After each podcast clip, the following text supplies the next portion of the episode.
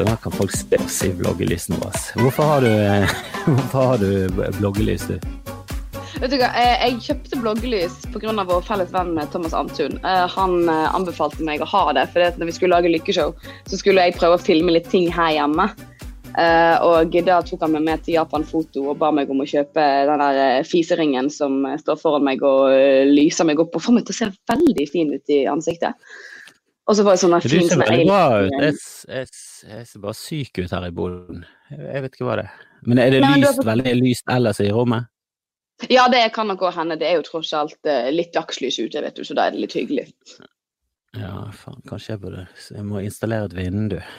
Installere vindu i boden? Så er, det, så er det bloggelys i trynet, og så er det litt sånn taklys der. Så jeg føler jeg, får ikke den der eh, shine som eh, Nei, men Det er det som er så gøy med det der vloggelyset. Altså, Det lyser jo opp. Jeg blir jo helt sånn wow, jeg har jo ikke, altså, har jo ikke en pore i trynet. Jeg skjønner ikke hvorfor bloggere sverger til det der. der, der, der altså. Sånn, jeg har lyst til at noen skal følge meg rundt everywhere med det lyset. Bare så jeg ser bra ut hele tiden. Da får du sånn fin uh, gjenskinn i øyet. Ser ut som du Ja, lever. sant? Ja. Nydelig. nydelig. Glimt, Du, det er glimt i øyet, Kristoffer. Glimt er det. Glimt. Du, er på, eh, du får påklistret glimt. Helvete, de bloggerne har så glimt i øyet. Påklistret glimt, det er gøy. Eh, du eh, sa til Grim at eh, i, en eller annen videomøte Vi jobber jo nå sammen i Lykkeshow, som eh, har sin andre sending i, i kveld. Det er jo spennende. det er veldig Eh, og på sånn vi, videomøte så sa du ikke si at jeg snakker bergensk. Det sa du til Grim. Hva mente du med det? Nei, det er vel altså, det, det kommer egentlig helt an på hvem jeg snakker med.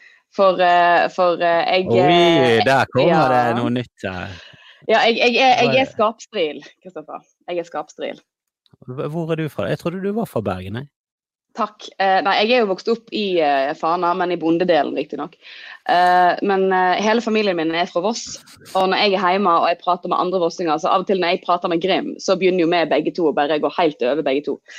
Og så tenker ikke vi over det. Så det er, det er litt snodig. Jeg er ikke helt Bjarte Hjelmeland eller Kevin Vågenes, please. Det, det kan jeg ikke ha på meg. Jeg, vi snakker i hvert fall ikke østnorsk. Nei, herregud, altså, sviket er jo totalt hos de to. Det er jo ingen tvil om. De er jo eh, teater, eh, eller Showbiz-Bergens eh, største judoser gjennom Ja. tidene, vil jeg si. I salute you. Eh, og jeg, og jeg, jeg mener de har sviktet eh, ja, svek, sviktet Bergen verre enn Quisling.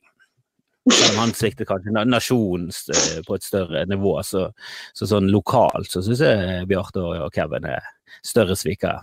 Jeg, jeg mener Men ikke altså- med det at de burde vært skutt, men uh, vi burde hetset de mer. De, de burde blitt lynsjet. men det er selvfølgelig ikke at de burde blitt skutt, bare lynsjet. Eller er Ja. halvlynsj.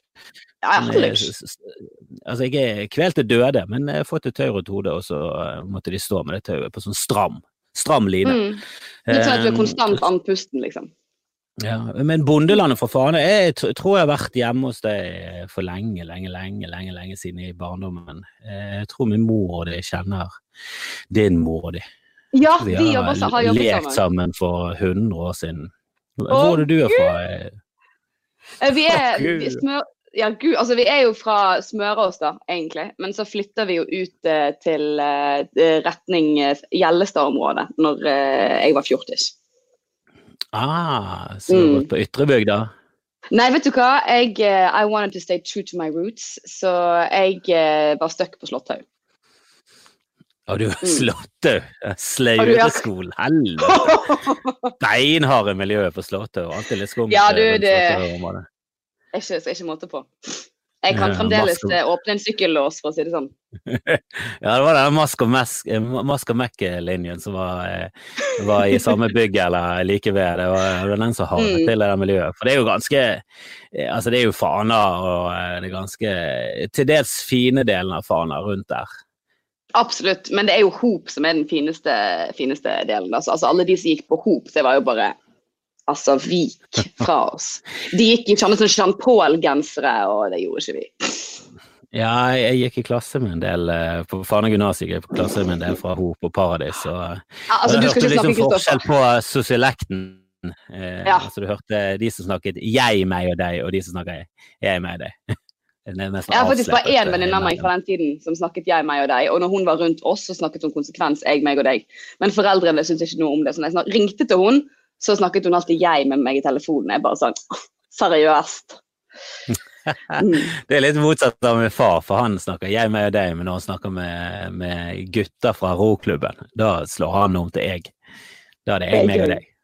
Det er faktisk gøy. Så var liksom, hvem som ringte til han, da, da plutselig, hvis det var, hvis det var Piddien og sånn, da, da, da ble det omslag. Da var det plutselig en av gutta. Men du er, er ute på Lelestad, du gikk ikke på, på Ytrebygda, men er, hvor gikk du på videregående? Bergen katedralskole! Eller eh, Katt, som han nå heter. Katten. Mm -hmm. Hvorfor gikk du på Katten? Hva var dette Er det karrierejaget her? Skulle du ha god CV? Komme inn på Harvard? Å ja, du vet. Altså, nei, jeg skulle jo faktisk eh, Jeg var veldig opptatt av karakterene mine. Jeg var, altså, sånn, jeg var nerd med stor eh, N. Eh, fordi jeg hadde veldig lyst til å bli veterinær, så jeg hadde, ville ha alle realfagene. Jeg var veldig sånn siktet eh, inn på det. Så da var det lurt å gå der og Nei, ja, det, det kan du spørre. Bjarte Hjelmeland skjedde, eh, faktisk. Det var Bjarte Hjelmeland som skjedde. Ja, det må, du, det må du gå dypere inn i. Nei, altså det var vel egentlig, Jeg, alt, jeg begynte jo å spille teater og syntes det var veldig gøy. Og så møtte jeg noen profesjonelle skuespillere i en uh, amatørsetting som jeg var med i, og de bare 'Du burde søke skole'. Ja, tenkte jeg. Kanskje jeg har godt av å gjøre noe litt annet, kanskje i hvert fall et år. Istedenfor å gå på folkehøyskole, så kan jeg jo kanskje begynne på en treårig utdannelse. så, eh, så kom jeg inn på en eh, skole som heter Bordar, der, som er sånn musikalrettet. Og det var veldig rart, for jeg kunne verken synge eller danse. Jeg kan fremdeles ikke danse. Eh, Men jeg kom nå inn, og så gikk jeg der i tre år. Og så fikk jeg jobb hos Bjarte Hjelmeland på DNS etter en audition, og så plutselig så hadde det gått fem år, og jeg bare Nei, skulle vi bare fortsette med dette her, da? Det, det er jo gøy, dette her, ikke det det? Jo. Og så ble det sånn. Og her er vi, ti år seinere. Og, nå, og nå, nå ser du på et skadet dyr, og du, du tenker ingenting over det. Klar det selv. Jeg har, jeg har replikker å lære! Jeg har sang, jeg skal, dikt vi skal deklamere. Nei, vet du hva, eh, Rundt meg akkurat nå så tusler det faktisk en katt fra Dyrebeskyttelsen som eh, jeg driver og prøver å sosialisere litt. Så jeg har det fremdeles litt sånn Florence Nightingale bare på dyr eh, i meg fremdeles. Må holde det i live. Ja, ja, vi hadde en sånn katt eh, som min eh, kjære tok inn i, i sin eh, Når katten var veldig eh, liten, seks måneder gammel, hadde bodd eh, i en låve sammen med moren og, og søsknene og var helt eh, vill villkatt. Bare, bare sånn tuster av eh, pels på en sånn naken kropp. Og var visst ganske ille. eh, Ja, jeg var liksom nær døden, og så tok min dame den katten inn. Og, ja, vi mistet den for ikke så lenge siden, da, men den levde fint med oss og ble mer og mer sosial etter hvert, men var eh, helt eh, psykisk skadet av denne første tiden. Ja, det tror det jeg denne her er òg. Hun, hun er veldig redd. Eh, tror at jeg er gal øksemorder, uansett hvor mye jeg prøver å ikke være det. Men nå har hun begynt å sove litt i sengen min, da, riktignok kun når jeg ikke er der. Men det er ja, veldig men det, det er sånn det går. det er sånn det går. Eh, Mina, som vår katt heter, hun, eh, hun lå bare inne på rommet alene eh, i sengen vår, og når vi gikk inn der, så gikk hun ut. Det var de Mm. første par årene, men etter hvert så begynte hun å ja, kom, snike seg mer og mer inn i, i livet. Det er jo det er koselig med katt. Det er veldig koselig. Og for min del, jeg, jeg er gressenke nå. For min eh, samboer han, eh, han er ikke sjørøver, han er i marinen. Så han er på tokt eh, og reiste i midten av mars og kommer igjen i slutten av juni. Og jeg satt jo her midt, det var jo da før alt begynte med aktivisering, holdt jeg på å si, med lykkeshow og alt. Så jeg satt her alene i leiligheten og bare Alt av jobb bare forsvant. sant? Man er jo fridans skuespiller. Jeg bare sånn Jeg kan ikke sitte her i denne leiligheten helt alene. I, altså, da, da kommer jeg til å klikke.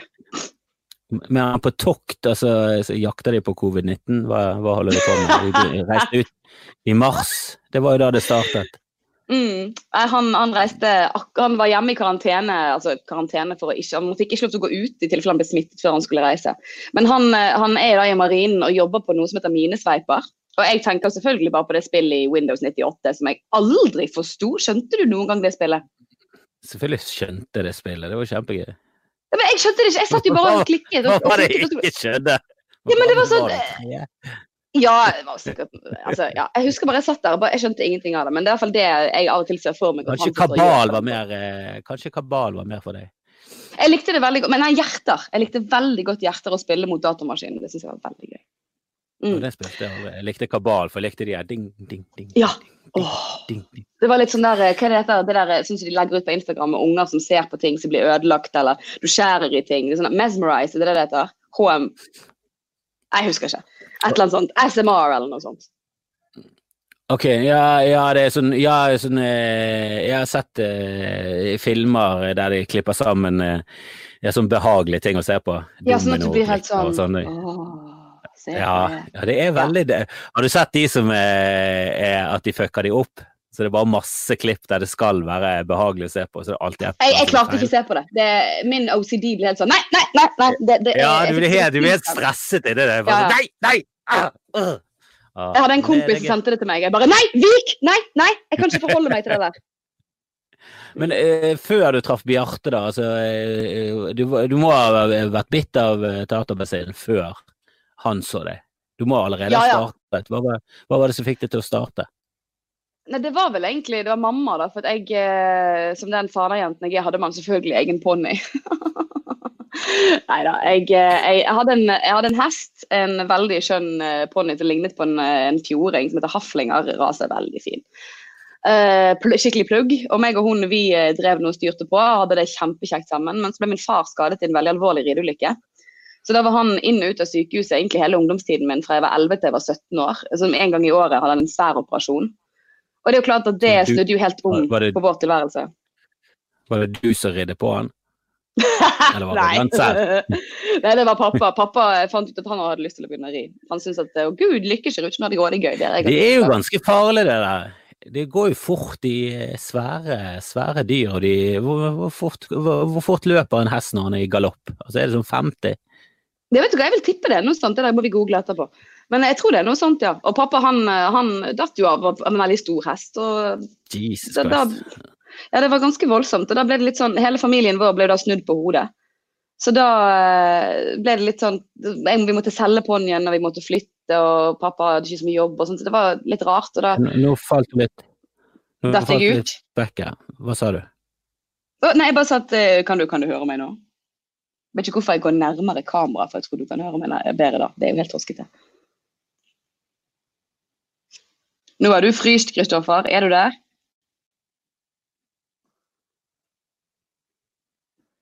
Hallo?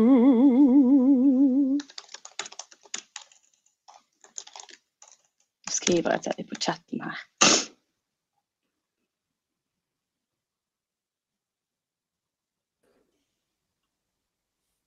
Der var du! You are moving again. Der. Ja, du, eh, du var midt i en historie. Din far. Ja. Eh, Jeg falt vekk etter det. Ja, det går så fint. Jeg- pappa han ble jo skadet i den ulykken, og da vi, eh, ble jo livet vårt snudd på hodet. Så plutselig så gikk jeg fra å være i stallen hver dag, og eh, det var hele livet mitt fra jeg var tre år. Så var det litt sånn Ja, vi måtte selge hesten, vi måtte flytte. Altså det var mye som skjedde. Og da var- jeg liksom Hva skal jeg drive med nå, da? Uh, jeg vet ikke hva andre ting som interesserer meg. Jeg har aldri interessert meg for fotball og alle de andre tingene som ungen i nabolaget gjorde. Og min mor var litt sånn, ja Jeg var jo litt stille og sjenert på på den tiden, så det var litt sånn, kanskje jeg hadde, mamma mente kanskje jeg hadde hatt godt av å lære å uttrykke meg litt bedre. Og skifte litt miljø. Så da sendte hun meg til Fyllingsdalen teater. Og det var der- Gode gamle- Ja, Gode gamle Fyllingsdalen. Ja, jeg skal ikke skimse. Der hadde jeg det helt uh, fantastisk fint. Men var, var det når de eh, For jeg husker i min barndom så var Fyllingsdalen teater Det var jo noe jeg, jeg visste hva var, og vi var vel borte der og så på noe eh, Ja, noe skuespill innimellom. Eh, mm, og jeg var jo veldig sånn Jeg hadde jo veldig lyst til å, å drive med teater og sånn, men det var aldri det ble liksom for stress eh, med Fyllingsdalen, følte jeg. Det var så langt. Ja, det var jo litt langt unna oss også. Mm. Men var det, det var jo noen så skumle folk der som var så strenge, hørte alltid. Å ja da, det var de. Og definitivt. Altså det, det er faktisk sånn, Jeg har jo flere venner av meg eh, som er venner av meg ennå, som vi vokste opp sammen der ute, som òg har blitt skuespillere og sangere og artister og sånn. Og vi snakker fremdeles om at eh, den kadaverdisiplinen vi lærte der ute som barn, altså jeg var elleve år da jeg begynte, den, den har jeg fremdeles bruk for. Jeg eh, føler av og til at Tove Ringereide sitter på skuldrene mine og bare 'Vi må jobbe! Må jobbe, Lykke!' Føler hun sitter der oppe av og til. Og det, det, er, jeg, det er jeg egentlig takknemlig for, sånn i, i retrospekt. Ja, for Fyllingsdalen teater, for de som ikke vet, er jo, eh, det er jo et barneteater i Bergen. Men det er veldig proft drevet. da. Eh, og det er masse mm. proffe skuespillere som også er med i produksjonen. Og det er veldig proffe rammer, og de driver det, eh, driver det som et skikkelig teater. Og de får vel egentlig ikke så Ja, de har vel fått litt eh, støtte nå i det siste. Ja, det er sant. Det er men de har jo egentlig drevet for seg selv eh, ganske lenge. og Det er jo et imponerende Ja, det er veldig sånn imponerende hus, egentlig. Eh, masse, ja, er... masse, masse eh, talent som kommer fra Fyllingsdalen teater.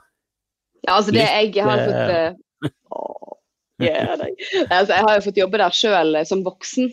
Og det var jo noe av det kuleste. Det var jo bare å se hvor utrolig mange flinke barn, man, barn som var der. Og det er jo litt sånn, Kanskje det var litt derfor jeg så meg sjøl litt i det òg. Jeg, jeg, jeg har selv kjent på kroppen hvor godt jeg hadde av å lære å spille teater og få selvtilliten ved å stå på scenen. Og jeg, jeg, kan sjøl se på enkelte barn som jeg ser sitter, ba, sitter gjerne bakerst på teaterøvelsene og ikke vil, og er litt sånn, og så gir jeg dem en, en veldig sånn konkret rolle, en veldig konkret oppgave, og plutselig bare bam! Det er, det er fascinerende å se, altså. Og givende, Men, ikke minst. Men hender det at det er noen av de som ikke takler det? For jeg, oh, ja. eh, for det er, jeg syns det alltid er rart når folk eh, Eh, ikke klarer å yte noe på en scene, da, og så vil de stå på en scene. Det er for meg veldig sånn Det, det er som om jeg skulle begynt med sprint. Og hele tiden vært sånn Kom 50 meter, og de andre var i mål. Og så var sånn Jeg gjør, mitt, gjør noe mitt beste. Var sånn, men vil du satse? Vil du virkelig satse? Ja, selvfølgelig. Sånn, sånn er det jo litt. Men jeg, og jeg opplever òg ofte at Eller jeg har sett en del, og det så jeg til og med som barn selv, at av og til så er det nesten som om det er mer foreldrene som vil. At sånn barnet skal. Sånn som ditt tilfelle? Å nei, gud. Nei, det kan jeg ikke si, da. Og da tror jeg min mor gjør meg arveløs. Nei da. Men det, nei, for, det, for eh, det, det, var det absolutt ikke i mitt tilfelle. Det er ingen i min familie som har uh, beveget seg inn på de skrå bredder, sånn sett, bortsett fra min yngre fetter som nå er musiker. Men så det, det, var egentlig som sagt rimelig tilfeldig. Det var helt tilfeldig òg for min del at jeg faktisk likte det. For mamma tok jo en, en råsjanse ved å sende meg ut der. For vi, vi, Jeg var kjempeskeptisk, og vi ante ikke om dette var noe jeg kom til å like. Og jeg som sagt slet en del med med sjenanse og sånn på den tiden òg, så jeg var skikkelig nervøs. Men jeg tror nok at det terapeutiske i det for meg den gang, og for meg nå faktisk Gud, nå blir vi dype her, Kristoffer. Det er, det er at, eh, at jeg, jeg, liker veldig godt når jeg kan være en rolle. Eller, at jeg er, eller når jeg er en på en måte slags definert utgave av meg sjøl som har rammer som jeg kjenner. på en måte. Så det er sikkert derfor jeg òg jeg trives, for eksempel, sånn som nå Når vi to sitter her og prater sammen, så vet jo vi at nå skal vi prate sammen. Vi skal prate sammen om forskjellige typer ting og ha en samtale sånn og sånn. Men hvis jeg er i, på en fest, f.eks., eller et sted masse folk jeg ikke kjenner, og sånn, så kan jeg da vet jeg ikke hvem er jeg nå hva, i denne gruppen, hvilken funksjon skal jeg ha her. Og så ender det opp med at jeg gjemmer meg på do. Det, det har skjedd ofte. altså seriøst? Gjemmer deg på do? Ja, helt, ja, ja, ja. Jeg fikk faktisk minne eh, i dag på telefonen min at det var tre år siden Gullruten, eh, når Aba Bergen named up der, eh, vant en uh, gullrute av en TV-serie jeg spilte i. Og der jeg, var jeg snapper, da, for det var sånn minnefunksjon på Snap. sant? Og da fikk jeg ja. snaps, så jeg minnefunksjonen av Snap, så jeg er på fest eh, på Ole Bull scene, eh, og jeg har det visstnok kjempegøy. Men jeg husker så godt at når jeg, så tenkte jeg nå må jeg filme dette her, så folk ser at jeg er på fest. Og så måtte jeg ut på do og bare Nå må jeg finne noen jeg kjenner, for nå klarer jeg ikke dette mer. Det høres veldig sånn high school uh, ut. Sånn, ja. Litt sånn outsider på high school. Gjem, gjemmer seg alltid på do i, i sånne ja. high school-serier. Du skal aldri kimse av, eh, av, et godt, bra toalett. Altså det, det, er derfor jeg er veldig opptatt av at mitt bad skal være en oase. Det skal være hyggelig i tilfelle noen vil inn og gjemme seg. skal, skal faen ikke kimse av en god bås. Du er de gode båsene i Bergen. Ole Bull har jo veldig fine båser. For si Apropos, for der er det dører du kan lukke helt ja. igjen. Da slipper du liksom å høre de andre utenfor og se de der føttene tasse forbi deg. Ja, det er utallige komikere som har tatt opp det problemet med båsdørene. Men det, det gir jo ingen mening! Hvorfor går det ikke Nei. ned til gulvet? Hvorfor ikke er det et lukket avlukke? Det, er, det noe, er, det, er, det, er det ett sted du trenger et lukket avlukke, så er det på do. Hva, hva, er de, hva, er det de, sparer i budsjettet med å kutte av 10 cm nede og, og oppe? Det virker jo helt uh, Kanskje det er de, eh, kanskje de, de plankene de kutter av der som de lager platting av. Jeg vet ikke, er det der platting kommer fra? Doplanker? Ja, det tror jeg.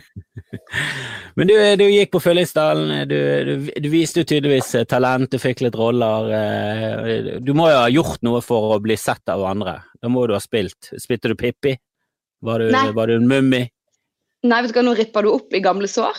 For jeg fikk, jeg fikk aldri spille Pippi. Men jeg fikk spille klatremus i Hakkebakkeskogen. Ja, men det er jo, det er jo Egna sin Pippi. Kom igjen. Ja, det, takk, takk, det er jo faktisk det. Uh, så ja, det, det gjorde jeg, og jeg fikk spille Sonja i Reisen til julestjernen. Og, ja, Hva er det du klager på? Men jeg fikk ikke spille Pippi! Jeg fikk ikke alt som jeg ville hele tiden i livet. Nei, jeg fikk ikke spille Pippi, jeg fikk ikke spille Annie, og jeg fikk ikke spille Sandy i Grease. Nei, men to, to av tre av de har jo rødt hår. Så eh, Ja, det det, er er ikke noe, det er ikke noe å trakte etter. Nei, det er Og sant. siste er jo blondine. Du, det er jo typecast, du passer ikke det er inn. Ja, Det er sant. Det er helt greit. Jeg tar den. Pluss Jeg at tar. Sandy eh, Ja, jeg vet ikke, det spørs jo hvem du spiller mot, da, men det, eh, der har jo det også noe å si, hvem som er Travolta-rollen. Jeg vet ikke hva de Det er heter. helt sant. Det er helt, det er helt sant. Men jeg, i retrospekt, nå når jeg faktisk har bachelorgrad i musikal, så kan jeg si at Sandy var aldri den kule rollen uansett. Det er Rizzo som er den kuleste rollen i Grease. Så altså, I rest my case. Det er helt greit. Stå, det går greit nå. Er ikke, det er ikke så sårt lenger. Jeg så Grease om igjen nå. Jeg, jeg husker jeg så den da jeg var liten. Eh, den kom jo over slutten av 70-tallet. Jeg tror han kom på slutten av 70-tallet, men jeg husker den var litt sånn stor da jeg var liten. Det Soundtrack og alt var veldig sånn Skal jeg ta og sjekke når Grease kom? Er, er Jeg tipper 1979. Ja, det er noe sånn 79 eller 78. Jeg er ganske Mm. Ja, 78 er han fra. Så eh, Ja, han kom sikkert, i, kom sikkert inn til Norge i 79. Det var jo på den tiden det tok lengre tid. På Voss kom han sikkert i 90, 98 eller noe sånt. Ja, Eh, 2001. Jeg husker at det forbi Voss engang, og det var sånn det, det var sånn i 2001, og da så jeg at da gikk Titanic på Voss. Altså det var, det var sånn Jesus Christ, henger der så langt etter. Eh, det, det har jo vi sluttet med. Men eh, den filmen er jo kjemperar. Den er den er merkelig. Ja, ja, ja, den er det. Den er det. Men sceneversjonen er mye kulere. Den har mye mer substans. Og der er det faktisk ekte tenåringsproblemer, og eh, de er mye styggere med hverandre. Så sceneversjonen er jo veldig, eller filmversjonen er jo veldig polert, da. Men det er sånn som nå når jeg ser den med feministiske briller, så blir jeg jo rasende. Det er jo litt Ja, sånn Å ja. ikke det en kjempe sånn, eh, sånn å, Veldig sånn rapey greie der, og det er veldig sånn creepy, hele ja altså, Mange av de scenene. Han ene, han ene Vince Fontaine, som skal være sånn uh, the big host for det der skoleballet som skal liksom kjempesvært, han prøver jo å roofie en av jentene. Det var så gøy, det, på 50 50 Ja, det var så kjempe... Han prøvde å sp- put aspirin in my coke at the dance. Jeg bare Ja. Og så på slutten der, når hun kommer og bare har liksom korsett på seg og får ikke puste i den latekstighten. Det er bare sånn, åh, nei, vet du hva, jeg blir, nå, jeg, må, ja, Med feministiske briller så hater jeg den filmen, og jeg hater 'Prinsesse på prøve' med feministiske briller. Disney-filmene altså ja, Det, det blir farlig å være feminist. Du begynner å hate alt. Uh, Ja, det er, jo- de ikke kjent for å spre glede, det må vi innrømme. absolutt ikke. Men det, ja, jeg, jeg tror Stockard Channing, som spiller i, Grease, er Hun var 34, og hun spilte en som var 18. Jeg tror hun var Mm, den eldste. Men da er det jeg tenker, da er det jo fremdeles håp for meg. Da kan jeg fremdeles spille Rizzo. Jeg, eh, da, har jeg, da har jeg et par år igjen på meg til å spille Rizzo. Men svar helt ærlig, hvis DNS tilbyr rollen som eh, Sandy, tar du den? Selvfølgelig gjør jeg det! Drit i! Rizzo. Ja, altså, ja, altså bare Ja, det gjør jeg. Altså, er du gal. Jeg kan stå og uh, synge. Det kan jeg. Men ikke danse. Nei, nei, altså jeg har måttet lære det da på de tre årene jeg gikk på skolen, men jeg innså veldig fort at det kommer aldri til å bli min styrke. Du, når Det du gjør- snakker om båter og uh, musikallinjen der eh, Jeg har vært på eh, Hva det heter det? Velmanns eller noe sånt? Har du vært på, sånn Val har du vært på Valmanns? Ja, for jeg, jeg var med eh, Kalle og de, de var, de var Raske menn, jeg var i Oslo Mm. som møtte på de, og så eh, skulle de ut og spi, eh, spise på eh, Valmanns, eh, for han Peter Brann som var manageren, han var involvert i de greiene. Eh, sikkert noe hvitvasking av penger eller et eller annet snuskete, men eh, vi endte nå opp der, og da var det en jeg kjente på Bårder, som var syngende kelner. Og hun endte opp med å stå og danse rett ved meg. Og jeg så på henne at hun døde inni seg. Men har du vært dansende eh, dansende kelner? Ikke på Valmanns, men andre steder, ja. Det har jeg. For det, det, er mye, det er mye ydmykende du kan gjøre i showbiz, men det, jeg, vet, ikke om det er noe som er mer ydmykende enn en enn det. Jeg kan, jeg kan fortelle deg, skal jeg fortelle deg om mitt mest ydmykende øyeblikk, kjære Kristoffer? Det var for noen år siden. Da skulle meg eh, og min bestevenninne og kollega Hanne Meldingen og et par andre kollegaer vi skulle reise ut til Haugesund. Ikke, ikke Haugesund, det var før Haugesund. Det var faktisk, faktisk slutten av historien. Vi skulle til Nesten. Haugesund. Vi skulle til Haugesund. Det er ydmykende nok i seg selv. Nei dette var, dette var litt før selve Haugesund. Og vi skulle kjøre dit, eh, og vi skulle ha eh, mm, og, eh, og eh, de hadde òg sagt til oss på forhånd hva sanger de ville ha, og de ville bl.a. ha Ausedansen av Ausekarene. Ja. Eh, og litt Spice Girls og Carola, og dette var jo selvfølgelig julebord, så det var jo òg All I want for Christmas is you. Kjempegøy. Eh, og vi hadde jo kostymeskift og alt mulig, og vi hadde laget lyder, eller liksom lydopptak, eller ikke lydopptak, vi hadde laget lydfiler og alt dette her, og liksom prøvd å gjøre det så proft og greit som mulig. Fordi, og de hadde proft lydanlegg, sa de. De hadde en kassettspiller, omtrent. Og, de hadde, og de, nei, de, nei, de hadde scene. Det var ikke en scene, det var en gymsal.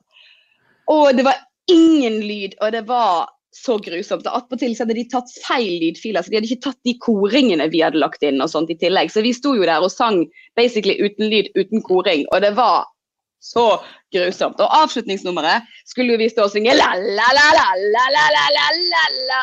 Og jeg har aldri dødd, så jeg ser de i publikum bare sitter der og bare og Noen av de var jo så dritings at de hadde jo det kjempe, de kunne tatt, kommet ut med trusen på hodet, og de hadde syntes det var Oscar-winning. Og vi bare, når vi kjørte hjem da etter denne jobben der, meg og Hanne vi satt sånn i bilen helt stille, og begge to byttet på bare sånn Det var Men lo der dere lo dere ikke, da? Vi har begynt å le nå, eh, fem år etter. har vi begynt. Så, var det så ille?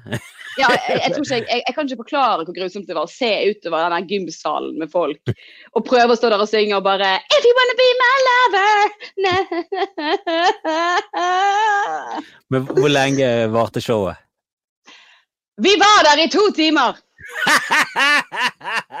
to timer! For det var det verste. Vi skulle sånn inn og ut og inn og ut. sant? Og Det var en, det var en sånn dinnershow. Nei, det var så jævlig. Å, Unnskyld uttrykket. Det var så fælt. Oi, oi, oi, oi. Men kunden var jo kjempefornøyd. Så kunden bare Ja, dette var jo kjempekjekt. Og vi bare Ja, så Ja, fint. Det, det, det er mange kunder som eh, i hvert fall, eh, De høflige kundene sier jo at det, det går bra uansett. Og det, det hjelper litt, faktisk. Det gjør det. Mm. Jeg tror det er verre hvis de hadde kommet og sagt Nei, dette, dette var ikke noe særlig, nei. Nei. Vi Nei. får se på Nei, det denne gjorde de heldigvis ikke. Men altså, det, det er jo det verste. Sånn som sånn som både meg og spesielt Hanne, da, de andre òg, men meg og Hanne er veldig like. Og vi begge to bare sånn OK, nå skal vi bare rocke skitten ut av dette. Så vi skrudde oss jo på i 190 for å overkompensere for alt. Sant? Så når vi satt i denne bilen og gikk rett i rygg etterpå, var- vi var jo så slitne òg, for vi hadde jo bare overkompensert. Åh, det var så mye border gliset. Jeg hadde faen meg gangsperr i trynet etterpå. Oh. Men jeg tenker at dere er sammen, så da er det lettere å le av det der og da. Altså, det, det er det som er så ille når du gjør en standup-jobb alene, og så Ja, noen ganger så sitter du på sånn transportmiddel hjem igjen med de som var og så showet, og hvis ikke det har gått bra, så Jeg jeg satt på en buss en gang hjem fra Marstein hotell, og det er ganske langt jeg bodde i sentrum. Det tar sånn en time i hvert fall. Og jeg satt der på bussen alene, eh, og så var jeg omringet av folk som hadde liksom sett meg gjøre det middels til, eh, på det beste. Uh, det, det gir uh, Det får liksom vondt i sjelen. Men, det, Men det- du sa at du hadde blitt oppdaget av noen som sa at du måtte søke om en skole. Du, du søkte deg inn på Båda, og eh, var det der du Mm. traff hun Hanne Meldingen? Ja, nei, hun begynte faktisk etter meg, da. Så vi, eh, vi, har, vi møttes ikke før vi begge to hadde flyttet tilbake til Bergen. Men da hadde jo hun hørt masse om meg på skolen, og jeg hadde hørt om hun. Og det kom til en jente som ligner veldig på deg! på skolen. Så det var veldig gøy når vi da møttes her og jobba mye sammen. For det er jo, vi er jo ikke så mange altså, skuespillere som bor i Bergen fast, egentlig. De fleste av oss eh, kommer til Bergen, kanskje så gjør vi noe på DNS, og når vi er ferdig der, så drar vi igjen. Så Ja, det eh, er jo definitivt størst marked borte i Oslo, på Os i Mm. østlandsområdet. er jo, ja, det er jo du, i, I det store og det hele så er det to millioner mennesker der. Det er jo et lite Det er en liten forskjell på 250 000. liten smule. liten smule. Mm. Liten smule. Eh, men det, ja, du, du nevnte jo ABBA Bergen. Jeg har vært på audition eh, for å få en rolle som tryllekunstner i ABBA Bergen. Jeg tror eh, Jeg vet ikke hvem som fikk den rollen. Eh, Jeg tror Øyvind Rafto var innom, og Nei, det var, var mye eh, greier der. Eh, men du fikk jo en av de faste rollene. Du var jo liksom med i greiene. Du var i castet. Mm. Oh yeah. Fortell, om, fortell om det. Ja, det, ja, det var veldig gøy. Det var det egentlig det var, altså Som alt annet jeg føler egentlig i denne bransjen her er veldig tilfeldig. For Du kan gjøre en viss ting sjøl, og så resten føles som tilfeldigheter. For dette var jo at De skulle jo lage TV-serie i Bergen, men jeg, jeg har jo aldri gjort noe på TV og film før. fordi, Jeg vet ikke om du har merket det, Kristoffer, men jeg kan være litt mye. Uh, så eh, jeg, jeg, jeg tenkte aldri at det var en vei jeg ville gå. Så jeg var aldri aktivt oppsøkende for det heller. Men så skulle det jo være i Bergen, og da ønsket de seg Bergens, altså vestlandstalende skuespillere. Så da var vi en overraskende mange inne på audition, så jeg ble oppringt. Kan du lage en self-tape? Jeg bare Hva er en self-tape? Så da måtte jeg basically filme meg sjøl, og det er jo det er apropos må være noe av det kleineste i verden. Det å sitte og spille til sin egen mobiltelefon hjelpes meg. Men så sendte jeg nå inn disse greiene her, og så var vi inne på mange runder. Vi var veldig mange, og det var Du må fortelle litt mer om den self-tapen. Fikk du beskjed om hva du skulle si, eller var det fritt, eller? Nei, det, jeg fikk et manus. Jeg fikk et manus, og så måtte jeg da sitte og spille dette manuset. Så fikk jeg heldigvis eh, en venn av meg til å lese mot meg, da. Og så måtte jeg gjøre det på veldig mange ulike måter, for de ville se akkurat den scenen med mange ulike intensjoner. Og sånn rent skuespillermessig så er jo det kjempeinteressant. Men jeg satt nå der, og det er det, det, er jo det farlige med når du ikke gjør ting live. Altså det for, når du da faktisk kan gå tilbake og redigere ting, i hvert fall med min hjerne, så er, er ikke det bra. For derfor har jeg lyst til å bare Nei, det må vi gjøre annerledes. Det kan jeg gjøre bedre, og sånn og sånn. Hvor sånn lang tid brukte du på den uh, self-tapen? Nei, det tok fem timer, det. Minst. ja da, men så etter hvert når vi fikk komme inn, da, det er det noe helt annet man møter folk og får lov til å si hei, hei, og noen som spiller mot deg og sånn. Så det var mye gøyere, syns jeg, da. Men jeg var jo heldig, for det endte jo opp med at det var meg eh, de valgte. Så det var jo kjempefint. Og det var òg veldig kult for meg sånn rent skuespillermessig å få lov til å spille en karakter som er veldig ulik meg sjøl. I hvert fall føler jeg det sånn. Altså, jeg hadde jo aldri gått i dress, f.eks. Jeg hadde heller aldri valgt å hete Unn. er det for lite? Nei, jeg føler liksom Det er litt sånn Hvem er det som kaller ungene Se på en liten baby, du skal hete Unn. Det virker som en dame som bare stopper. Ja, Det det skal komme noe Unn mer. Ja. ja, det er veldig Ja, bra. jeg, Men du, du heter jo Lykke, det er jo et voldsomt navn.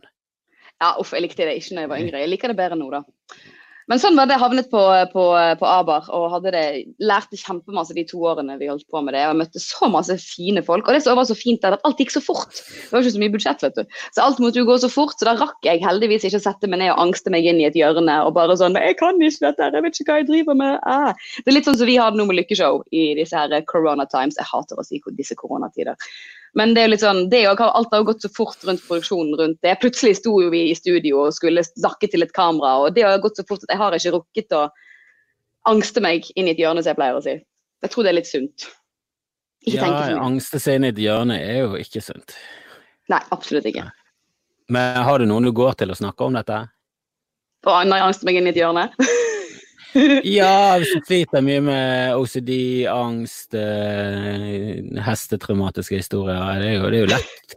Det er jo fint å ha et sted å gå og prate, eller ta du alt ut på scenen? Nei, jeg har, eh, jeg har jo verdens eh, mest tålmodige og snilleste samboer, da. Så jeg pleier å si at han er laderen min som må holde ut med en, med en del ting. Så jeg merker jo det når han ikke er hjemme nå, for å si det sånn. Han pleier å, er pleier å minesveipe over deg. Ja, og, og Nice, nice. Og Veldig bra, og du skjønner ingenting av hva han holder på med? Hva er dette hvilesveipegreiene? Hva er det du driver med? Hvorfor Nei, det er sant. Nei da, jeg, det, det, han, er, han og mine foreldre jeg er veldig gode å snakke med om sånne type ting. Men jeg har jo lært meg etter hvert som jeg har blitt eldre også, da, at uh, dette med prestasjonsangst det er sikkert sånn som du også kan kjenne en del på med tanke på hva vi driver med. ikke sant? Det å stå foran folk og prestere. og det er jo klart at Noen dager i hvert fall for meg, er det lettere enn andre. Mens andre dager så Men jeg vet òg at jeg har et et slags lager som jeg vet jeg kan overkompensere fra uansett. Men da vet jeg òg at når jeg nå kommer hjem, så vet jeg at nå kommer jeg ikke til å klare å gjøre noen ting før klokken tre i morgen. For nå, nå er det tomt. Nå er det helt tomt. Ja, er du litt sånn introvert? Jeg, ja, jeg tror jeg, jeg, tror jeg, jeg har av og til Hvem var det? Var en av bestekompisene mine som sa en gang at du er et veldig introvert menneske fanget i en ekstrovert kropp. Eller omvendt. Jeg husker det ikke. Men jeg, jeg syns ja. Ja, jeg føler, meg, jeg føler meg litt sånn blandet av begge to. Fordi jeg liker jo veldig godt å prate med folk, og jeg liker å gi energi. Det er jeg veldig glad i. Og når jeg føler at jeg klarer det, holdt jeg på å si. Jeg underviser jo bl.a. en gruppe med barn og unge med spesielle behov. Og der ser jeg jo veldig at det at jeg er så eksplosiv som jeg kan være i enkelte settinger og tøysete og tullete, jeg ser den umiddelbare effekten det har på de, og det er så givende for meg. Men så vet jeg også at når jeg kommer hjem og har gitt så mye energi, så Ja, da Eller eksempel når man har gitt masse energi på i Haugesund og sunget 'Kom i mine armer', ja, nå har du sjansen. Oi, oi, oi, uff a meg. Kom i mine armer. Har ikke du Ja, hørt. Hansen? Nei. Eh, veldig sjelden setter på Bjørn Jensen er hjemme. Jeg treffer han innimellom på Riks, og det, han er- virker som en hyggelig fyr. Men eh, Ausekaren er ikke helt eh, min, min greie, det er ikke det. Nei, men den sangen den, kommer, den får du på hjernen når du først har fått tra-la-la-la-la-la-la-la Så får du den Du, jeg har garantert hørt den, for de har jo Ausekarene har jo er, Riks er jo stedet for Ausekarene, så jeg har jo gått forbi eh, fullsatte saler med, med drita fulle striler som eh, synger med på eh, ja, nesten alle låtene. Mm. Litt, nesten som et sånn karaokeshow. Ja. Eh, det har jeg vært med på òg. Har, eh, har, du ledet det, eller har du vært med, eller hva? Sett? Du, begge deler. Eh, På Ole Bull hadde vi jo en, en, et eh, konsept en stund som het karaoke. Hvor jeg Ja, da var karaokevert, blant annet. Og eh, så har jeg òg vært med på Zuma-revyen på Stord. Skal ikke kimse av det. Og der etter showet så er jo det allsang. Men det er jo basically karaoke. Altså det er basically, Jeg står der og jeg, bare, jeg kunne jo like godt bare holdt ut mikrofonen foran meg og bare stått der i pen kjole og smilt. For ja, publikum det der har jo eh, Grim snakket om, eh, at, at etter showet så er det faen meg fest. Eh, og Det de er skal så liksom- fest. De skal kjøre gjennom et repertoar, men det er jo publikum som synger. Altså, Ja, ja, ja. Men har du vært med på den revyen sammen med Grim? Nei, han kom året etter jeg var med. Da var det Sandra Spjelkavik og Tonje Holm Sandnes som var med første gangen der. Og deg? Nei, de var med året etter meg. Altså, det var jo litt sånn Først Kristine Hope, så meg, og så Tonje og Sandra. Så jeg bare tenker, ja, det er året 2016. Hva tenkte de på da? Å ja, det var det samme året, ja. eh, Var liksom skiftet ut. Mm, de bytter jo litt sånn ut for hvert år. nå. Det, men Grim, altså, Grim er jo tydeligvis big in Stord. For han har jo vært en stayer der. Han skal jo være med i år òg, vil jeg tro. Ja, jeg, jeg, jeg, jeg, vet jo ikke om det, mm, det Nei, om Gud, det, gjennomført. det er det eh, Det Jeg vet da søren, jeg. Ja, det der teltet der blir jo en suppe av øl og basillusser, så det er sikkert lurt å ikke ha det i disse tider. Ja, det tror jeg jo. Jeg tror ikke det er lurt å, å samle sammen stordinger og alkohol. Jeg tror de fleste eh, sosial distanseringsting bare går rett til helvete og bare Ja. råklining og hele fjølen. Eh, Jeg, jeg, jeg, jeg syns det virker litt så skummelt å ha revy på Stord. Jeg syns ikke stordinger er det mest oppdratt publikum i verden. Oh ja, Hvordan, hvordan føler du det? Nei, jeg har hatt noe standup der nede, men riktignok eh, to ganger så har det vært på den eh, eh, skolen, den eh, det er vel en sånn sykepleierlinje de har der nede. Ja, eh, så de har arrangert det. Det er- kanskje feil å dra stordinger over en kam, det er det vel mer at det er studenter som drikker. Mm. Eh, det har alltid vært et jævla slit. Men så har jeg også vært Ja. med en gang eh, meg og Jon Hægeland var med Dag Sørås og varmet opp for han. Og da følte jeg at ok, nå skal vi endelig få ha det litt gøy på Stord. For det er Dag som kommer, de kommer for å se Dag, han skal teste ut noe nytt materiale. Og, og rammen er liksom satt for at, for at eh, vi skal ha en gøy kveld. Og så begynner det med Jon, og han eh, får det sånn halvveis til dårlig til, og så kommer jeg, jeg gjør det samme, det går ikke bra. Og så kommer Dag, og så gjør han det også dårlig. Og da var det bare sånn, hva faen som skjer her? Det er jo han Mm. du har kommet for å se. Hvorfor, hvorfor ikke dere er mer med? Det er bare Ja. Jeg har alltid hatt så dårlige vibber på Stord, eh, og så har jeg også lest Turboneger, som har hatt en konsert der, og det, var en av få konserter de bare avsluttet. De bare orket Mm. ikke mer. Så jeg har sånn inntrykk av at de er litt eh, rowdy og eh, galne. Ja, det, det, det kan jeg skrive under på. I hvert fall på, sommer, på sommerrevyen 2016. Men det, er det rart det der du sier med publikum? eh, For jeg, det siste, jeg har hatt så lyst til å skrive et nummer eller en sang eller jeg vet ikke, bare et eller annet som handler om publikumsoppdragelse.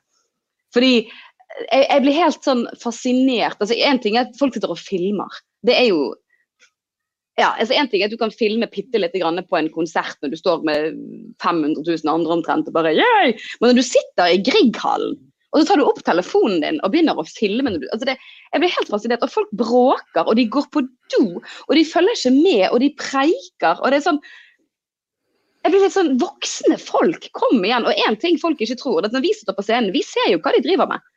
Altså, Jeg Ja, ja. tror nesten jeg så en dame som ga en fyr en uh, hyggestund med armen en gang. Altså, og, de sitter, og de sitter der og blir blå i trynet for de blir opplyst av telefonene sine. altså vi, vi ser det jo, det er jo så dårlig oppdragelse at det fy. Ja, men det, det har veldig mye med kulturen på stedet som har eh, forestillingen. da. Eh, At hvis du har et eh, Sånn som på Latter er de veldig streng, eh, og de tillater ingen prating eh, i det hele tatt. Så hvis du prater der, så, eh, så blir du tilsnakket. Og klarer ikke du å slutte, så blir du rett og slett kastet ut. Eh, Så du skal liksom, du skal følge med, og du skal ikke ødelegge for andre. Og, det, og, det, og du må liksom føle på hva som er lov òg. For det, hvis det er en komiker på scenen som gir veldig mye til publikum og, og stiller mye spørsmål, så åpner det opp mye mer. Men så kommer kanskje komikere som er litt mer innesluttet og, og skal holde Mm. på med sitt. Så du, du må liksom eh, bygge en kultur fra bunnen av, der eh, showet og og eh, artisten som står på scenen er de som skal skinne, eh, og det er veldig viktig. og Det er sånn du bygger opp over tid. da. For kommer du på et sted eh, der det er litt sånn slepphendt, og du utsetter kanskje showet en halvtime fordi publikum har ikke kommet ennå, det er type sånn Nei, gud. Vi husker vi hadde sånn show på Etne, og det var sånn Her kan vi ta og utsette det en, en time, for, for det er en på vei hit. og så måtte hele tiden utsette. seg.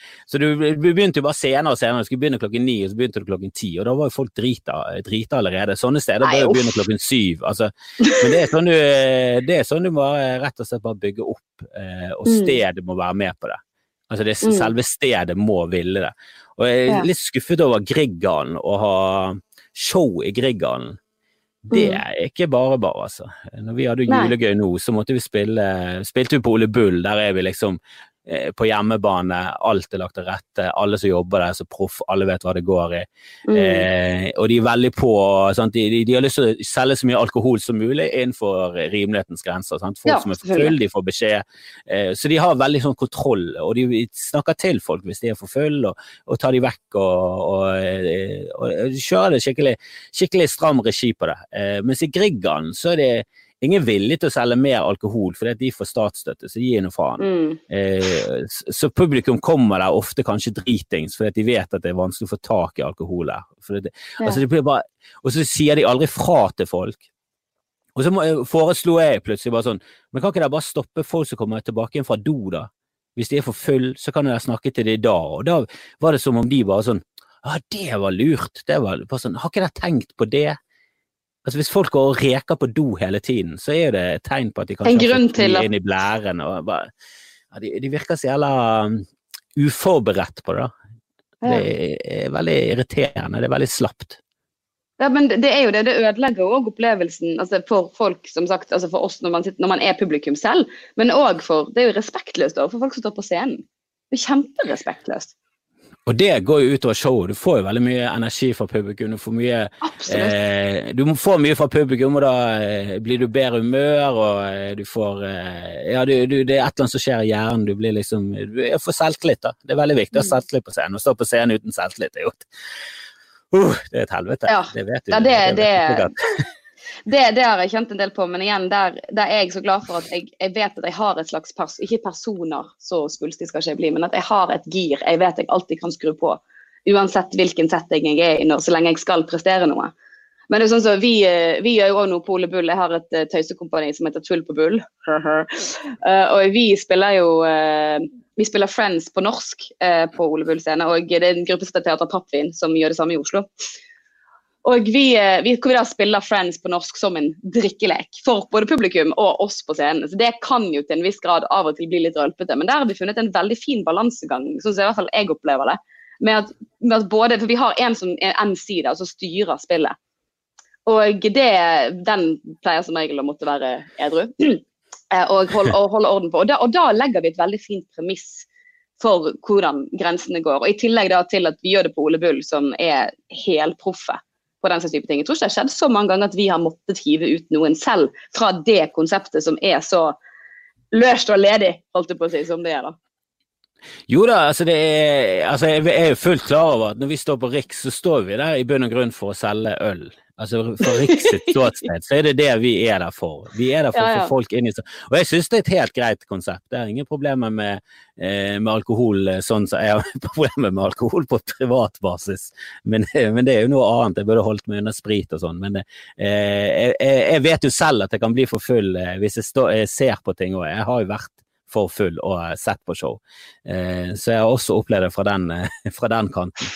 Eh, men, men det er liksom det der å bygge en kultur om at eh, her er vi masse folk, og du er ikke den viktige her.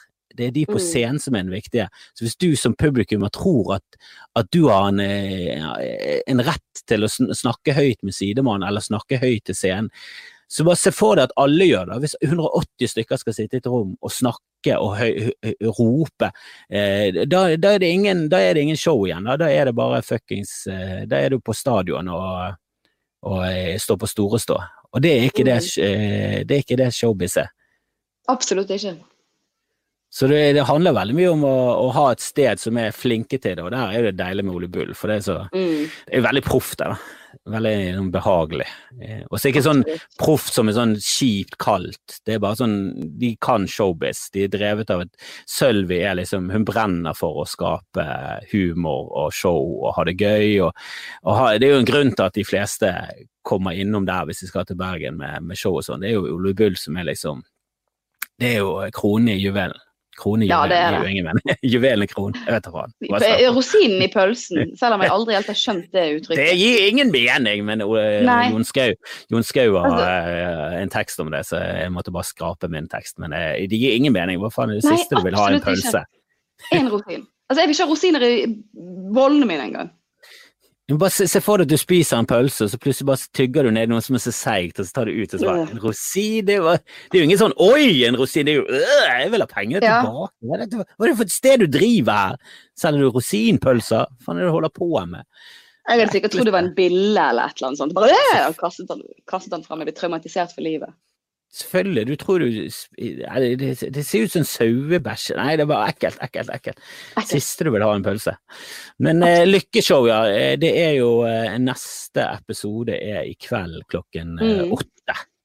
Eh, og det varer vel i Ja, det varer vel akkurat sånn at du kan gå eh, på do, ta deg en eh, pils, og så kan du sette deg ned og se på Bojo. Så det er perfekt timet sånn sett. Eh, Det er veldig fint. Skulle nesten hatt en reklamepause. Ja, det er faktisk helt sant. Og så bare And now this. Men fortell litt om hvordan det gikk til. For jeg var på en strand med min sønn. Det var fint vær, men det var kaldt, og så ringte Sølvi. Eh, Rolland meg, og da var det Da var alt begynt å stenge ned. Eller da var Mm. vel alt stengt ned, og vi skjønte det at ok, vi kommer ikke til å ha noe sceneting nå eh, i lang, lang stund. Dette var i, i midten av mars. Eh, men hvordan eh, ble du blandet inn i dette? Jeg har jo, nå, som sagt, eh, altså jeg har faktisk kjent Sølvi veldig lenge. Eh, I den grad av at uh, min far har jo, jo styre har vært styreleder for Ole Bull da jeg var liten og da jeg var yngre. Så har, hun har jo kjent meg i mange år. Og jeg husker faktisk at hun, når jeg skulle begynne på Border, så husker jeg faktisk at For jeg var jo litt sånn Ja, men jeg skulle jo egentlig bli sånn og sånn. Og husker jeg at hun satt Da var det en premiere jeg fikk være med på. Så hun, etter hun fortalte òg. Husker jeg hun satt så meg dypt inn i øynene og tok meg i hånden og bare Lykke, følg drømmene dine. Ja, det sa hun faktisk. Og det, Hun minnet meg på det nå for et par dager siden, og det var veldig gøy. Og bare tenkte, ja gud, det, det, husker jeg faktisk. Og du bare ja. ja, men drømmen var jo å bli veterinær. Ja, det var jo det! du snakker om Ja da, tydeligvis drømmer. Drømmer kan tydeligvis endre seg. Nei, så jeg, eh, og så har jo, så Vi har jo alltid kjent hverandre. og eh, og jeg, vi, etter nå i, det var vi i, vel i fjor, så begynte jo jeg, eh, spurte jo jeg om jeg kunne få komme med det impro-tullegruppen min og spille for Polebull på, på Lille. Lille yeah. Og det sa hun selvfølgelig ja til. Og da ble vi jo også kjent i en kunstnerisk setting. Og eh, så var det et sånt pitchemøte for Mothership, dette her film- og TV-selskapet som nå holder på å starte opp her i Bergen, som bl.a. Sølvi og Eldar Nakken er pådrivere for. Og så, så, gikk jo jeg der og presenterte sånn fem ulike konsepter og ideer jeg har. Og da tror jeg Sølvi ble litt sånn Oi!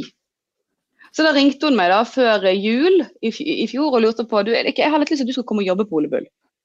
Og så sa jeg jaha, men hva skal jeg gjøre? Nei, du, du, har så mange ideer og konsepter. Kanskje du kan være en slags sånn idéutvikler? Vi kan lage nye ting sammen. og nye scenekonsept. Og, for, også, for jeg, jeg, jeg, har en fot i mange leirer i Bergen siden jeg gjør så mye forskjellig. Så kan jeg kjenne masse ulike folk, så kanskje vi kan prøve å få litt ting til. Så jeg, jeg var jo i en planleggingsfase med disse tingene i tillegg til jobben min på Det Vestnorske Teatret. da. Og holdt på med alt dette her egentlig før koronana og alt dette her kicket inn. Så vi hadde jo masse gøye planer med ting vi skulle gjøre med både gruppen min, Tull på bull og andre ting. Og så plutselig så satt jo jeg her hjemme da, og eh, hadde akkurat kommet hjem fra en turné som ble avlyst. På Stord, faktisk. Ja. Stord. Må jeg stole på Stord.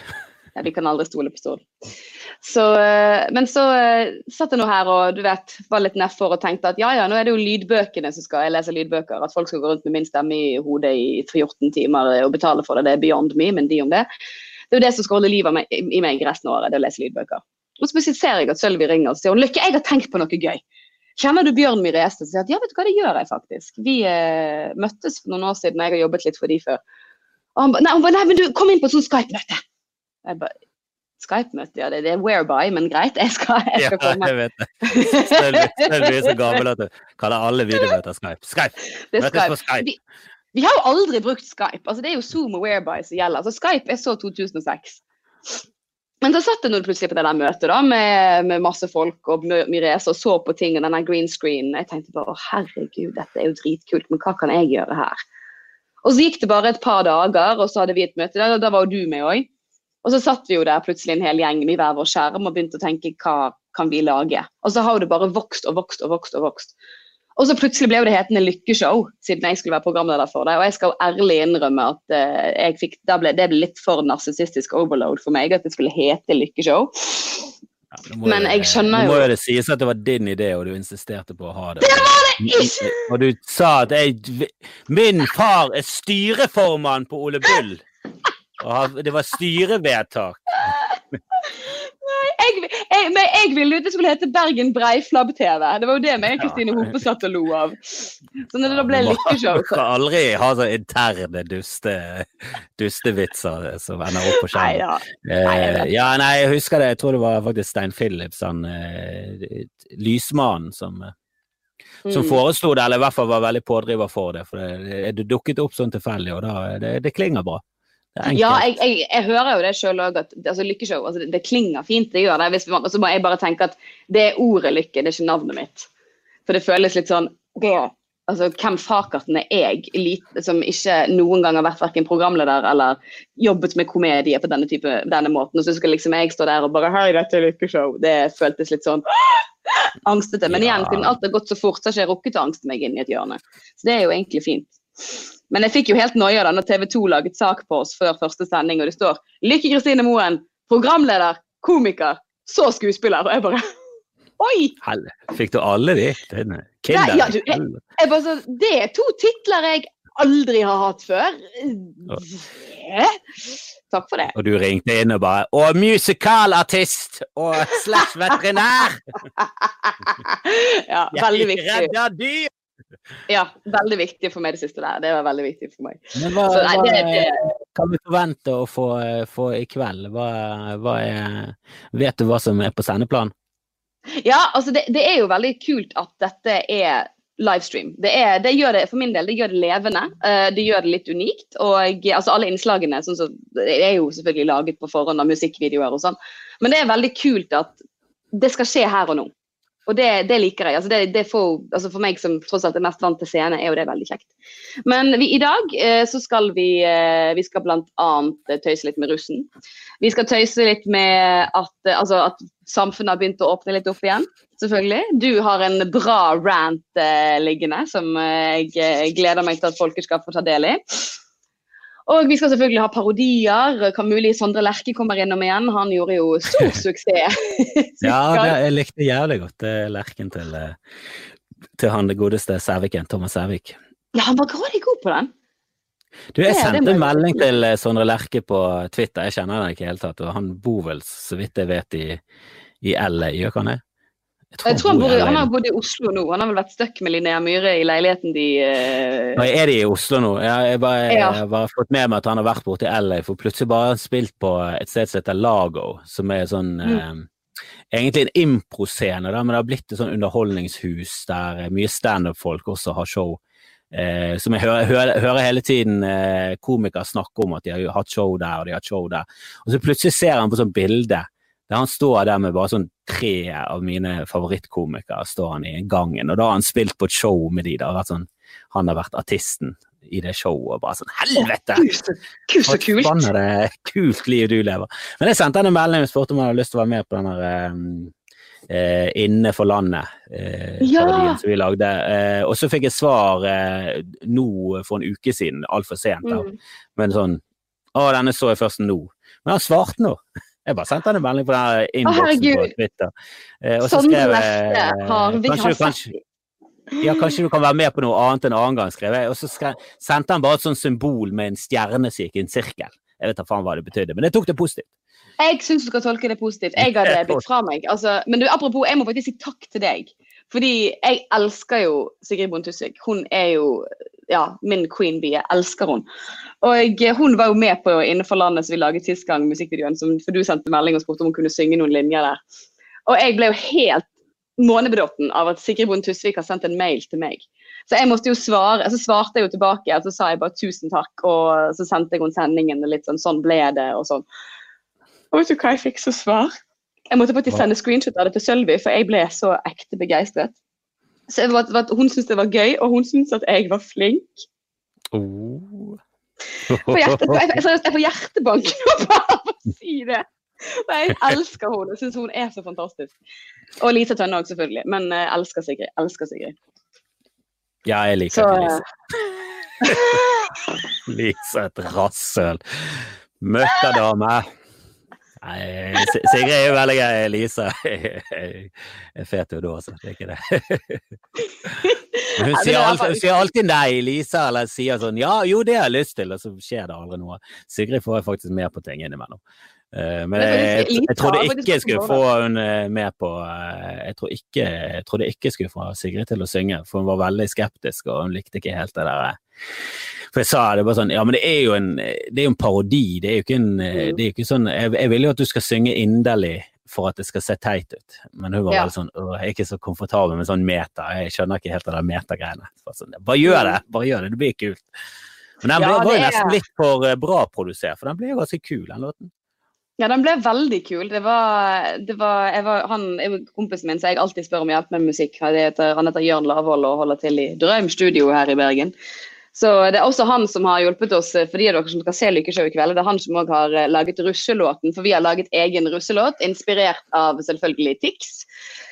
Sin fantastiske komposisjon. Eh, I kveld er det lov å være Tore, holdt jeg på å si. Så ja. Du, de sangene der eh, som eh, Nå blir det veldig internt der, men Sandra Spjelkevik som også er med på Lykkeshow, hun var med på Julegøy, og hun hadde en sånn gjennomgang over musikk musikk eh, som har, har sånn parmusikk før, da, romantisk musikk før og romantisk musikk eh, nå. Og så hadde hun liksom eh, I kveld er det lov å være hore, og one night stand, ikke to eller tre. Og så hadde hun sånn nummer der hun gjorde narr av hvor mye drittmusikk som kommer ut nå, som skal liksom være eh, ja, musikken som de unge vokser opp med eh, i sånn mm. kjærlighetsforhold og sånn. Og de går sånne jenter rundt i gaten her og hører på. De er åtte år. Er jævlig rart å se en sånn åtteåring sitte med en iPad, og så hører hun på i, i One Night Stand, ikke to eller tre, og de synger med. Mm. skjønner ikke hva de snakker om, da, men Jeg håper de tror de synger om nattbord. Jeg vet ikke helt hva de tror de synger om, men de går på skolen, så jeg tenker at de eldre elevene har jo sikkert fått med seg det av enda eldre igjen, hva det egentlig går i. Men jeg vet, jeg vet ikke helt om de skjønner alt, da. Men jeg syns det er litt creepy. Samtidig er det litt gøy. Det er litt gøy. Ja, altså, vi gikk jo rundt og sang på Spice Girls. da. Husker Vi sang den der, der uh, When to become one. Og der er det jo til og med, Hvis du ser videoen der, den, altså der, der synger de Be a little bit wiser, baby. Put it on, put it on. Og så tar de liksom fører fingrene over fingrene sine sånn. altså Nå er jo dette radio, da, men likevel. altså, Det ser ut som de trer noe på noe. Og det er sånn som jeg har sett nå når jeg er voksen og sett de videoene igjen. og bare, oi, Så den sangen handlet egentlig om en sånn safe sex-kampanje. og Den gikk vi rundt og sang på når vi var ni år. Ja, ja. ja men det er, viktig, ja. det er viktig å bruke prevensjon når du er ni år. Men ja, da, bare hvis du ligger med niåringer. Ja, for guds skyld. Det, det, sa alltid min mor, i hvert fall. Eh, men eh, nå har vi faktisk eh, fjaset en time. Du har jo sikkert andre ting du skal gjøre i dag. du vet hva, Jeg skal eh. faktisk jeg skal lese lydbok eh, i dag. Det er den eneste jobben jeg har nå for tiden som sagt som jeg tjener penger på. hva, hva, hva, hva skjedde der? måtte du sende inn audition-tape der òg, eller var det noen som kjente til deg? Nei, igjen der. Livet mitt føles av og til som en eneste stor tilfeldighet. Det var noen som hadde sett eh, Aber Bergen. Uh, og det er en bergensforfatter som heter Monica Yndestad som hadde skrevet bøkene. og Hun ville ha en bergensk stemme. Uh, helst litt ung kvinnelig stemme. Og uh, da hadde de sett Abba Bergen, og så ringte de meg og bare 'Hei, har du lyst til å komme og lage stemmeprøve?' Jeg bare 'Ja, det har jeg'. Så de fikk ikke tak i at som var ung, og så ringte de deg? På den tiden var jeg yngre, husket jeg. Dette er noen år siden. Da var jeg faktisk fremdeles i 20-årene. Så det, det, var veldig gøy. Så, sånn, så, du får fortsatt ikke ferdig å lese inn den boken? Leser du bare én side i uken? Du kan egentlig lese. Og så Nei, har... kom jeg inn i kjøkkenet. Kjøkkenet. Kojøkkenet. Kojøkkenet. Det stemmer, det. Nei, altså det nå, jeg har vel, vel snart det er vel tolv bøker jeg har lest inn etter hvert. Så igjen, jeg kan ikke forstå at det har ballet på seg, altså. Du leser inn mer mm. bøker. Eh, ja. Men får du lov til å lese noe annet enn Bergens litteratur? Ja da, det, det får jeg. det, det, får jeg. Men eh, det er hovedsak, hovedsakelig er det handling i disse bøkene jeg har lest, foregår i Bergen. Men den jeg holder på med nå, er skrevet av en Bergens forfatter, men handlingen er i New York. Oh, fancy. Mm. Er det, er det beina konkurranse innad i lydbokmiljøet? Hvem som eh, blir mest hørt og sånn? Er det, er det, noen, som hører, er det noen som hører etter stemme? Har dere, noen, har dere noen flere bøker leser hun er lykke? Jeg er så begeistret for hun er lykke. Nå har jeg hørt tolv bøker av henne, og jeg er faen Hun har ikke lest inn flere, nei. Kan du si nei, vet du hva, jeg, fikk, vet du hva, jeg har faktisk fått en hatmail. Eller ikke akkurat hatmail, da. Men uh, hatmail for lydbok. Hold deg fast, det har skjedd. Eh, det var en dame som skrev til meg at, eh, at hun, eh, jeg hadde litt for pipete stemme. Og da ble jeg sånn Seriøst, jeg får alltid høre at jeg har dyp stemme, men for alle. Og så at jeg ikke kunne si KJ riktig. Og det var det som gjorde at jeg gikk i harnisk. For det er én ting I pride myself in. Så er det at jeg kan si kjole, kino og kjøttkaker, og ikke kjole, kino og kjøttkaker. Så det endte jeg faktisk opp med at jeg sendte lydopptak til henne av jeg som sa akkurat det. Ja, men det, det bør du faen meg gjøre. Altså, det, det, er greit å få kritikk når det stemmer, men hvis det rammer helt som vilkårlig, da Nei, da må du faen meg rette opp i skaden, altså. Det, det er ikke lov. Ikke hva. Skulle, der, der, følte jeg meg krenket. For der, Det var faktisk eh, reell krenk, for det stemte ikke. Det medførte ikke riktighet. Men jeg, jeg endte opp med å ha en hyggelig dialog, og det, jeg forstår dette her, at du, du, skal ha en stemme i øret så lenge, så må det være en stemme du liker. Jeg må ærlig innrømme at jeg eh, apropos, jeg, jeg har jo en lydbokfavoritt, og det er Torbjørn Harr. Oh, han har så ja, ja. Men han er jo altså han er jo en østlending med en sexy røst. Ja, men Kristoffer, tenk deg, tenk deg. Altså, så, nå har jeg lest en del lydbøker, men, men, tenk deg hvis du skulle lest en Fifty Shades of Grey. som lydbok. Hvor kleint hadde ikke det vært? Uh, uff. Nei, jeg, jeg, jeg, holder meg langt vekke fra hele det universet. Men vet du hvem som faktisk for dette har jeg tenkt på, vet du hvem som faktisk har gjort det, som leste den inn som lydbok? Nikolai Klevebrok. Skuespiller på Nationaltheatret. Har sittet i studio og lest disse ordene i fullt alvor. Altså, Men handler ikke det om en dame, da? Jo, ikke det, òg. Du Er hennes synsvinkel? Jo, jeg har ikke hørt på det. Er det nesten så jeg har lyst til å gjøre det, det er bare ren research. Men, eh, men eh, jeg syns bare det er så fascinerende at Nicolai Klevebrok har sittet og lest 'Min indre gudinne' og diverse. Ja. Vet du hva, da skal du lese inn den. Gi ut den på eget for, Lykke forlag. Lykkeshow-forlag. kan ha høyt, høytlesning på neste Lykkeshow. Men du, eh, vi, vi, ja, vi sees jo ikke i kveld, men vi er jo på samme program i kveld, så vi lykke til til oss begge. Lykke jo, til. Lykke til! Den har du øvd lenge på. Den kom nettopp, men det er sånn er, det bare faller inn naturlig for meg. Du, du, er jo tross alt komiker. er det. Det er du òg, ifølge TV 2 i hvert fall. Ifølge TV 2! Og da er det offisielt. Da er det offisielt. Har du ja, fått det, på sånn supertekst, da er, du, da er det det du er. Nei, vi snakkes, Lykke. Vi snakkes. Ha det!